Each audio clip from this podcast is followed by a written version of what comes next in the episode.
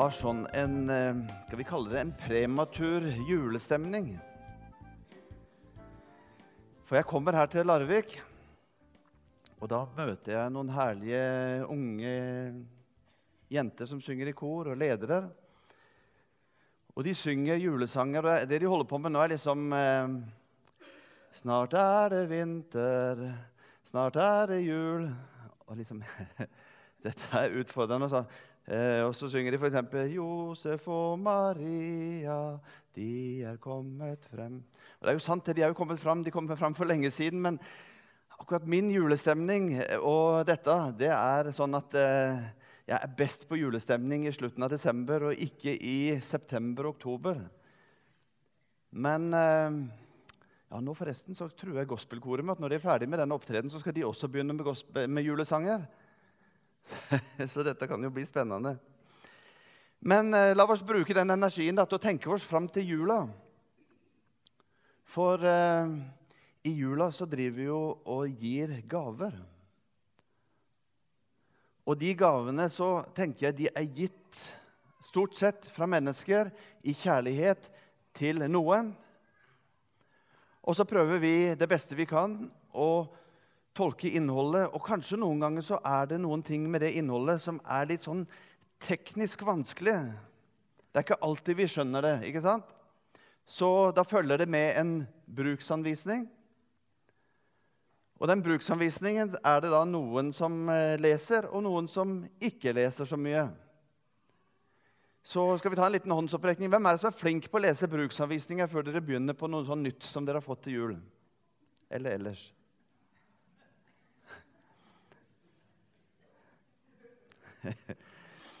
Jeg ser det er noen damer som ser bort på mennene, og så sier de Nei, det der er vi ikke gode på. Så vi er liksom i oss at vi vil bare prøve først og sjekke ut hvordan det funker. Og så leser vi bruksanvisningen. Liksom, det er liksom det siste utveien. Og jeg hadde en sånn eh, eksempel. Er det noen som har vært på Ikea og så henta sånne pakker? De er jo basert på prisen er rimelig, og det er basert på at vi skal gjøre jobben med å montere. Og selv der, selv der så er det noen av oss som er litt kronisk belasta. At dette fikser vi. Dette har vi kontroll på. Så det vi gjør da, det er bare rett og slett begynne å sette det sammen. Og jeg hadde en sånn oppgave, opp, oppgave eller eh, hadde da eh, på vaskerommet mitt i, eh, i, sommer. Og når jeg kom på slutten av den ene skuffen, eller skapet, var det, og så kikker jeg inn i skapet og skal liksom henge det opp, så er det da den brune sida som er imot meg, inn i skapet. Og det var ikke tenkt sånn. Det var jo meninga at det skulle være den hvite. Og hvor var den henne? Jo, den var fint inn mot veggen. Så da betydde det å demontere og begynne på nytt igjen. Så ta vare på den opplevelsen nå om å tenke på det som har med bruksanvisning å gjøre. Når vi satte tema på, for, liksom for hele rekka, da, for nå er det tre søndager på rad vi skal snakke om nådegaver, så satte vi 'for de gaver som du gir'. Og nå har vi kanskje vi fått røpt litt med Vigdis hvor det kommer fra. Men hvor, hvor er det vi hører det uttrykket henne? For de gaver som du gir. I bordbønn, ja. Ok, la oss prøve. For de gaver som du gir, takker vi deg, Gud. Du som hører før vi ber. Priset være Gud. Ja, det er noen som kunne den. Ja, ja, veldig bra. Så nå har vi jo sunget for maten, så nå kan vi ta imot det som kommer i denne serien. Hensikten med at vi skal snakke om nådegavene, handler jo om at vi skal oppdage hva det er. Forstå hensikten med gavene, og at vi kan få bruke dem sånn som Gud hadde tenkt når han hadde gitt oss. Så Derfor så har vi delt opp i tre, hvor vi i dag snakker litt om hvem, har gitt, eller hvem er gitt disse nådegavene. Altså hvorfor vi bør oppdage de, er det vi kommer til å snakke om i dag.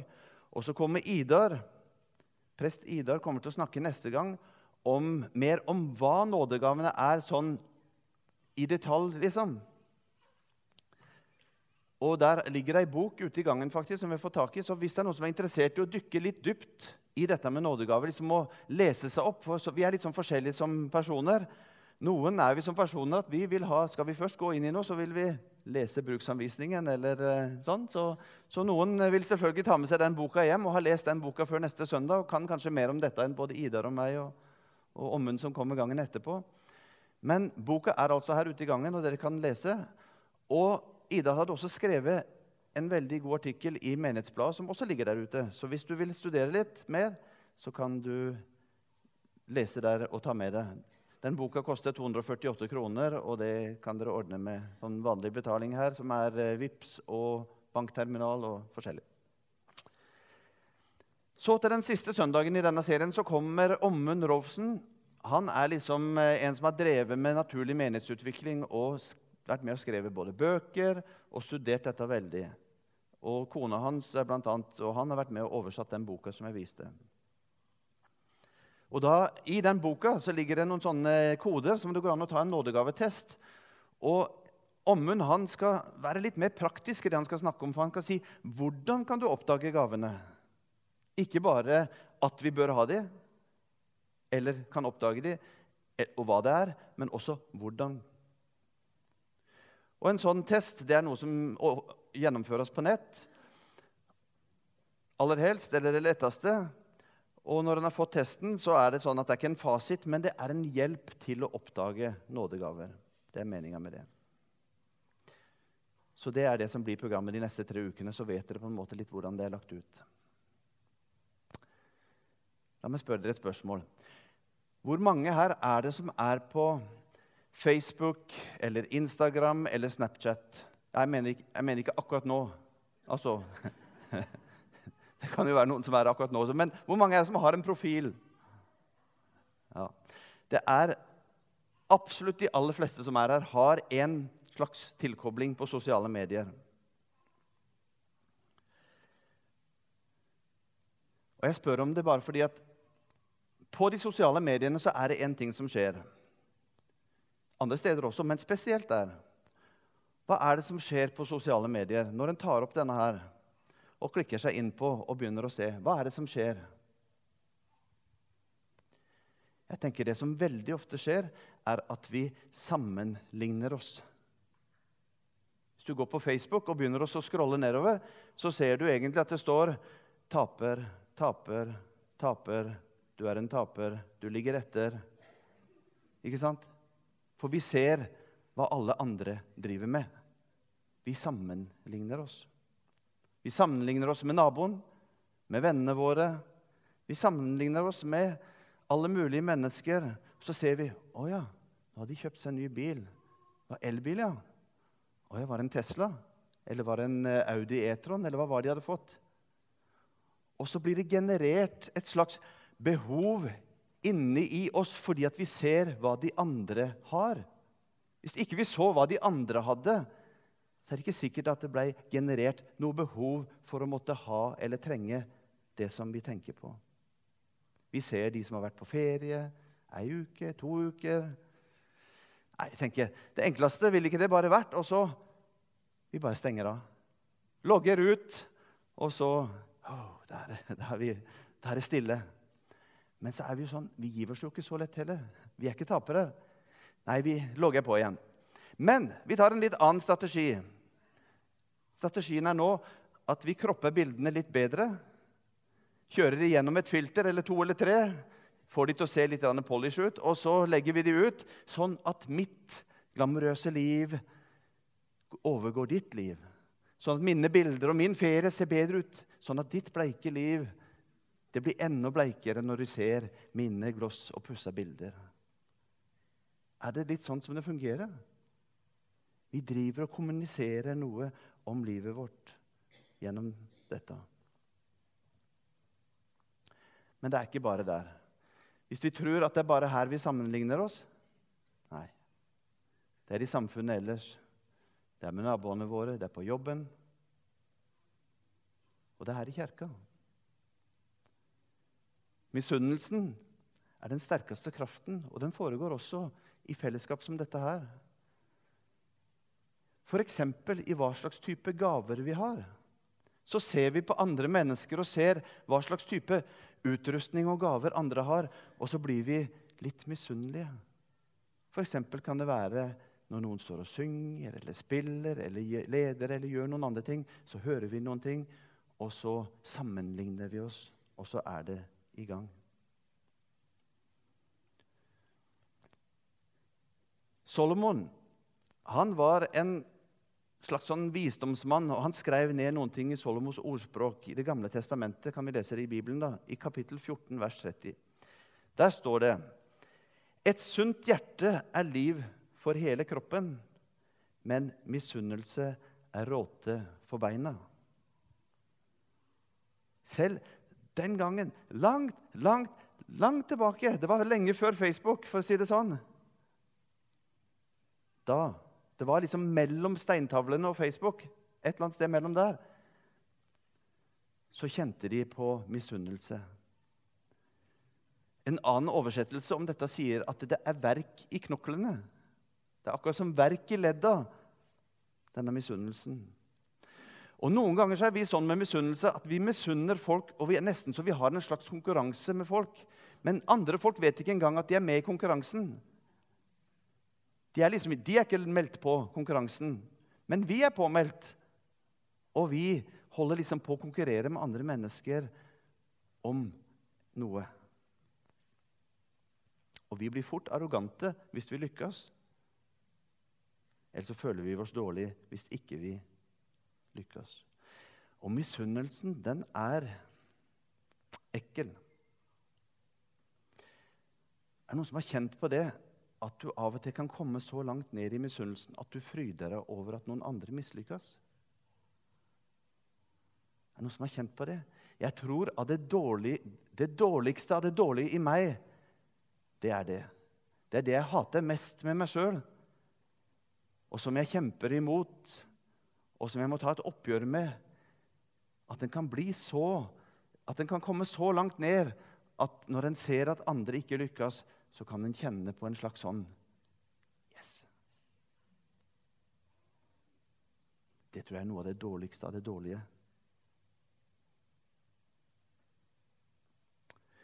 I skriftlesningen i dag så leste vi noe. Skal vi prøve å lese sammen? Prøv, vi prøver. Midt i alt strev og all dyktig gjerning, så man blir offer for misunnelse fra sin neste. Dette er også tomt og verdiløst jag etter vind. Det som brukes her, er å jage etter vind. Altså Den misunnelsen som, er der, det er som å jage etter vind. Er det noen som har sett en sånn hestehov når han slipper på en måte disse her små, og de fyker? Er det noen som ville tatt opp en konkurranse med meg og prøve å samle de inn? Liksom, de, det er helt umulig å jage etter vinden. Vinden den klarer vi ikke.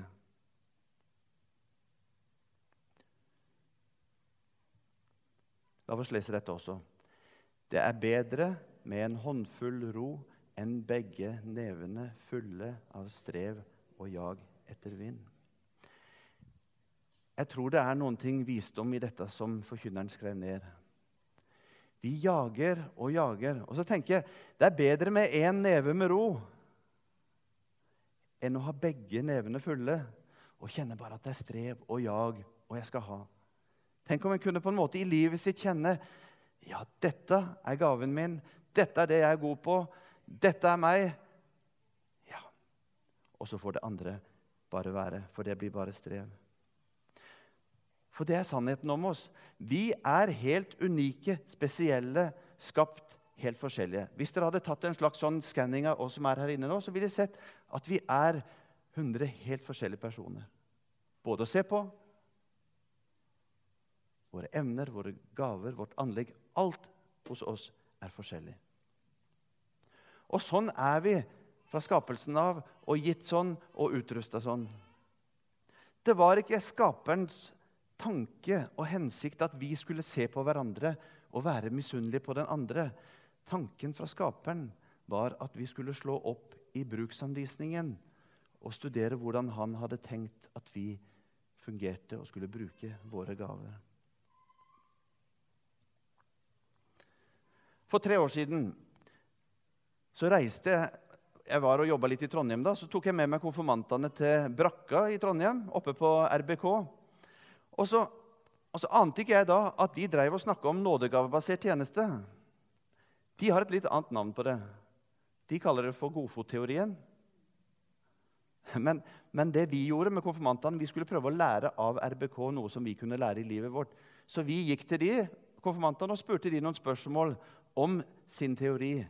Og hvis dere hører veldig godt, Noen har kanskje sett snitt av denne før, fordi jeg har brukt den i andre sammenheng, men sett på ørene og hør hva de forteller om det å bruke våre evner og anlegg på best måte som Og jeg sa, jeg sa team der oppe, og han, Nils Arne Eggen holdt på å rive ørene av meg. Det heter lag, sjø. Lag heter det. Men hør de, hvordan de tenker om det å være lag. Har du på lyden? Med, å, med samhandling og det å spille hverandre god?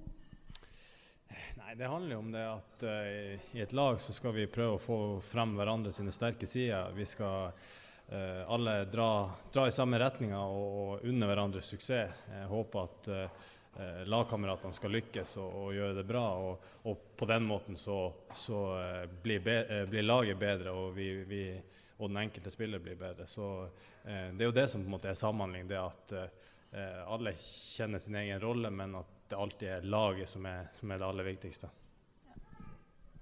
Hva betyr det med gode medspillere for deg? Nei, Det betyr jo alt. Uh, uten medspillerne mine så hadde ikke jeg vært, uh, vært nå. Uh, så det er viktig at man har de, de relasjonene, at vi vet hva hverandre gjør. Uh, og så er det greit at vi har spisskompetanser, så man, man vet hvilke situasjoner medspilleren vil ha ballen i. Så det, det, er veldig greit. Sånn som jeg vet at Pål er god én mot én, så da setter jeg opp han tidlig, så han får, får drilla backen. Uh, så det Jeg føler vi har tatt store steg på det i år kontra tidligere. Godfotteorien ble lansert for mange år siden av Nils Arne Engen. hvordan har det prega fotballen i RBK? Eh, den har prega fotballen i RBK i veldig stor grad. Eh, Godfoten kort fortalt er jo at alle spillerne og eh, også andre ansatte i Rosenborg får gjøre det de kan best. og så er det tanken på at man gjennom det lykkes og også blir bedre på det man ikke er så god på. Så det handler for oss trenerne å sette spillere i da, roller og situasjoner som de, som de lykkes i, behersker. Og så eh, blir også resultatet best mulig. Så Det er kort fortalt godfotteorien. Og den, eh, den, er veldig eh, fremtredende i hele tankegodset til Rosenborg. Og Noen av dere la kanskje merke til at det er noen av spillerne og trenerne som ikke er der lenger. Men hadde jeg reist til den brakka i dag og spurt det spørsmålet, så hadde de sagt akkurat det samme. Fordi at dette er DNA hos de. Det er sånn de er. Det er sånn de driver. Jeg viste denne i Molde en gang, og da sa de at jeg bare gå ned på stadion og spør der. De hadde svar. Alle hadde hatt forskjellige tanker om men, men de har en filosofi. De har et DNA. Og hva er vår filosofi? Hva er vår skapers filosofi for vårt lag?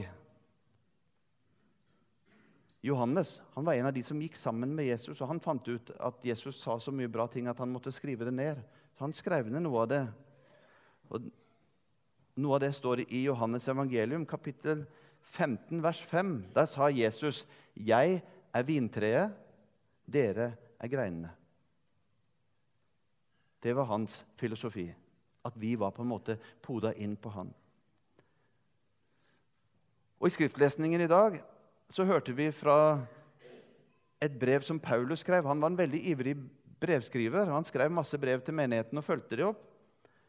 Og han tolka det der med å være et vintre og grene på en litt annen måte. Han sa at vi er en kropp. Én kropp, mange lemmer. Ulike oppgaver. Hverandres lemmer. Og Da begynner vi å komme inn i godfoten. Det er ikke bare det at jeg har mine gaver og jeg har min utrustning og jeg skal bli liksom stor og et eller annet. Hele tanken her var at vi skulle gjøre spille hverandre god.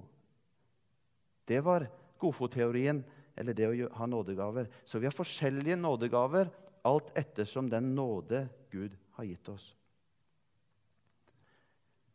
Vi leser en gang til sammen. Det var et, av, et lite avsnitt fra vi hadde i skriftlesning i dag. Vi har én kropp, men mange lemmer, alle med ulike oppgaver. På samme måte er vi alle én kropp i Kristus men hver for oss er vi hverandres lemmer. Vi har forskjellige nådegaver, alt etter den nåde Gud har gitt.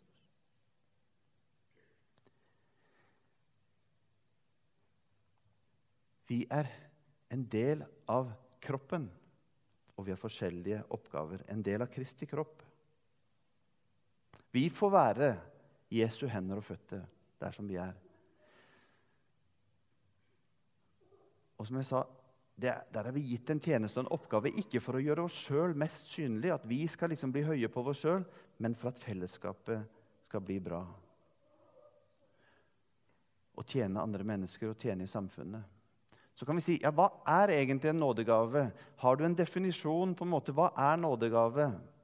Og Jeg skal ikke si så veldig mye om detaljene og ta fra Ida det som han eh, kommer med neste uke, men vi må jo spare litt av spenningen i denne serien. Men definisjonen på nådegave det har han som har skrevet den boka som ligger ute, prøvd på. Han sier en nådegave er en særskilt gave som Gud av nåde gir til ethvert lem på Kristi legeme, og som må settes inn i arbeidet med å bygge opp menigheten. Er en definisjon, en særskilt evne som Gud av nåde har gitt oss. Ikke til vår egen oppbyggelse, men for å bygge opp menigheten.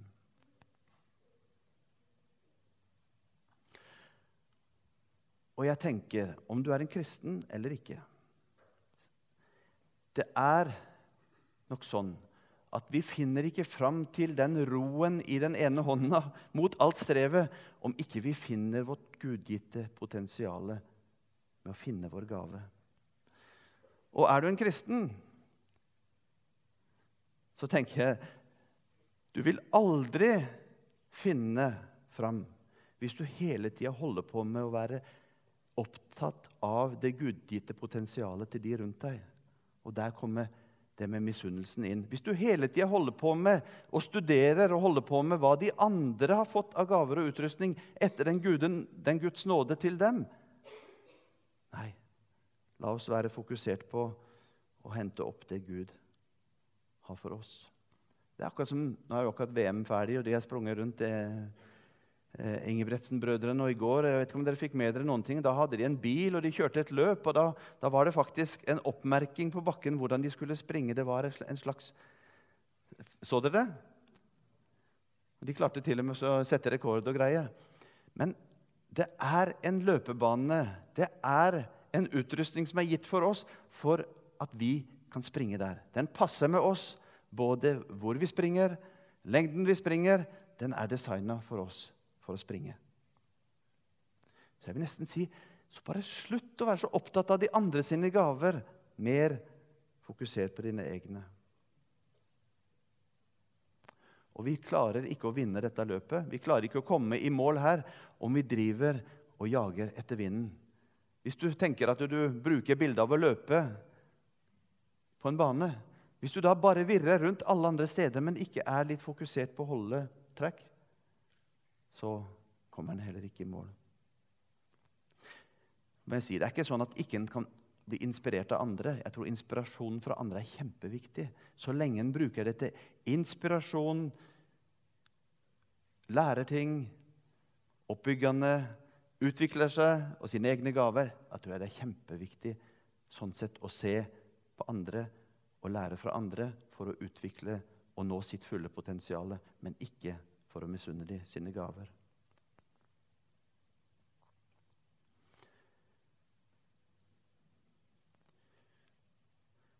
Og så er det en ting med dette som gjør kanskje at det er mange som ikke driver og forsker noe særlig på dette og studerer noe særlig, fordi at det har en pris. Det å virkelig gå inn på dette og skulle både bli kjent med sine gaver, men ikke minst følge sin gaveutrustning og leve i dette, det har gjerne en pris. Eller det har en pris. Og kostnadene blir kanskje høy med å bruke det.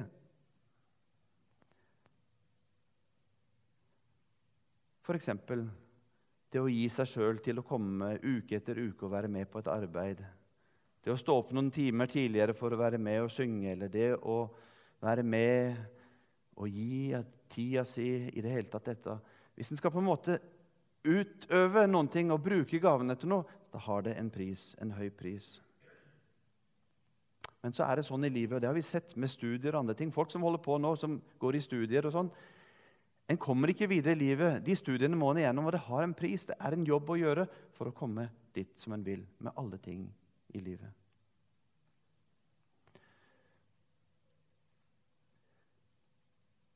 Og så er det ikke sånn at gavene våre er statiske gjennom hele livet. Også det utvikler seg. For eksempel, jeg blei sett veldig tidlig. Da satt jeg på førstebenken her i denne menigheten og blei sett tidlig på noen av mine gaver og utrustning. Og fikk lov å bruke de musikalske gavene mine. Og de Jeg kunne se på noen, og jeg har sett på noen opp gjennom livet, og jeg har vært misunnelig på mange mange ganger. Hvor flinke de er å spille og sånn. Men jeg har fått lov til å bruke mine gaver, utvikle mine gaver og kommet opp. Og etter hvert i livet så har jeg istedenfor å kikke på andre med misunnelse, så har jeg fått en glede og en tilfredshet om at jeg kan få bruke mine gaver og mine til å utruste og være med i en menighet. Jeg kan alltid bli bedre, og jeg skal alltid bruke det som jeg kan på det beste. Men gavene er i en slags utvikling. Det står ikke stille. Og Noen ganger kommer det nye gaver, sånn som f.eks. det å stå her og prate i dag. For bare fire år siden så var ikke dette noe jeg drev med. Men jeg har fått oppdage gaver og utrustning som er der, og som jeg kan få lov til å jobbe med og utvikle meg på videre. Og Sånn er det i livene våre. Det står ikke stille. Hvor lenge er det siden du har gjort noe nytt? For første gang. Hvor lenge er det siden du kan si at du prøvde noe nytt? Kanskje er det noen ting som ligger her, som at vi har kjørt oss litt fast i et spor. Og vi driver med noe, men det ligger noe der som kunne vært spennende å forske ut. Og Det er det som denne serien holder på litt. Den oppmuntrer oss til å forske litt og prøve litt. Og det er ikke sikkert det er ikke sikkert at det blir riktig første gangen. Og det er en det var En eh, som heter Michael Jordan. Han var en gang veldig, han var kanskje regna for den beste basketballspilleren i verden. Og han sa at han hadde bomma på 9000 skudd. 9000. Han hadde tapt 300 basketballkamper. Mer enn 25 ganger så hadde han bomma på avgjørende skudd i en kamp. Men allikevel ble han verdens beste. Det å feile, det å prøve og feile, må være en del av vår læring. Så spørs det om vår arena her er et sted hvor det går an å prøve og feile. Og Noen ganger så har vi et inntrykk at det For barna kanskje, ja. Men når vi blir litt voksne, så tar vi på oss en slags sånn at det er ikke ok å feile. Vi blir litt redd for hva andre skal si. Så kommer den slags menneskefrykt fram. Men det å feile, det er veien framover til suksess i livene våre for bruk av tjenestene våre. Det å feile Jeg vil oppmuntre deg. Nesten, det blir litt galt å oppmuntre deg til å feile, men det å feile er uunngåelig hvis du skal bruke det som er i deg. Du må prøve, feile, lære av det og gå videre.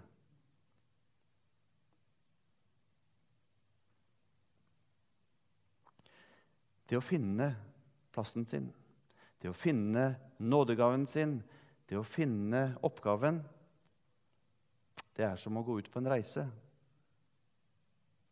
En reise sammen med Jesus. Og Jeg håper at du disse søndagene, disse tre søndagene setter av tid til å få dette med deg som en serie. Og Gud inviterer deg med på reisen for å ta imot, for å lære om, for å bruke, for å oppdage.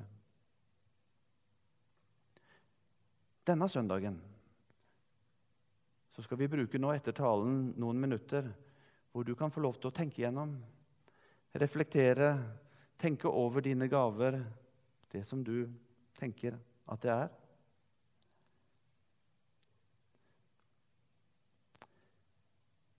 Pappa til dåpsbarnet, Jørgen, han meldte inn en sang her på forhånd som heter 'Hjerteslag'. og Det er en det er en utrolig flott sang. Og jeg tenker, Det er det vi kan bruke akkurat den tida her til nå. Å kjenne hjerteslaget. Hvis du kan få kjenne Guds hjerteslag, hvis du kan få kjenne hvordan Han sier til deg du har en stor verdi, jeg elsker deg, jeg ønsker å utruste deg, åpne deg for meg, ta imot mine gaver, de ligger der, gitt til deg, så er det en fin ting. Og På den måten så kan vi gjøre det sånn som vi ofte gjør det her i kirka. Det er åpning for å Du kan skrive bønnelapper, du kan tenne et lys her. En kan komme fram og knele om en har lyst til det. En kan sitte og be. Her er det hel frihet til hvordan en vil gi respons. Men det viktigste når du hører den utfordringen som er nå, er at du tenker gjennom det og gir en slags respons.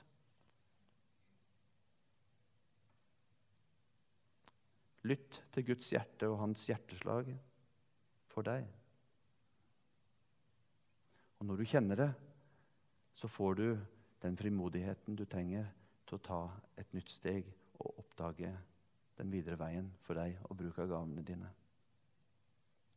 Skal vi be sammen? Gode Gud, takk for at du har skapt oss helt unikt, helt spesielt. Du elsker oss, og du er glad i hver enkelt av oss. Herre, hjelp oss til å lytte til ditt hjerteslag for oss.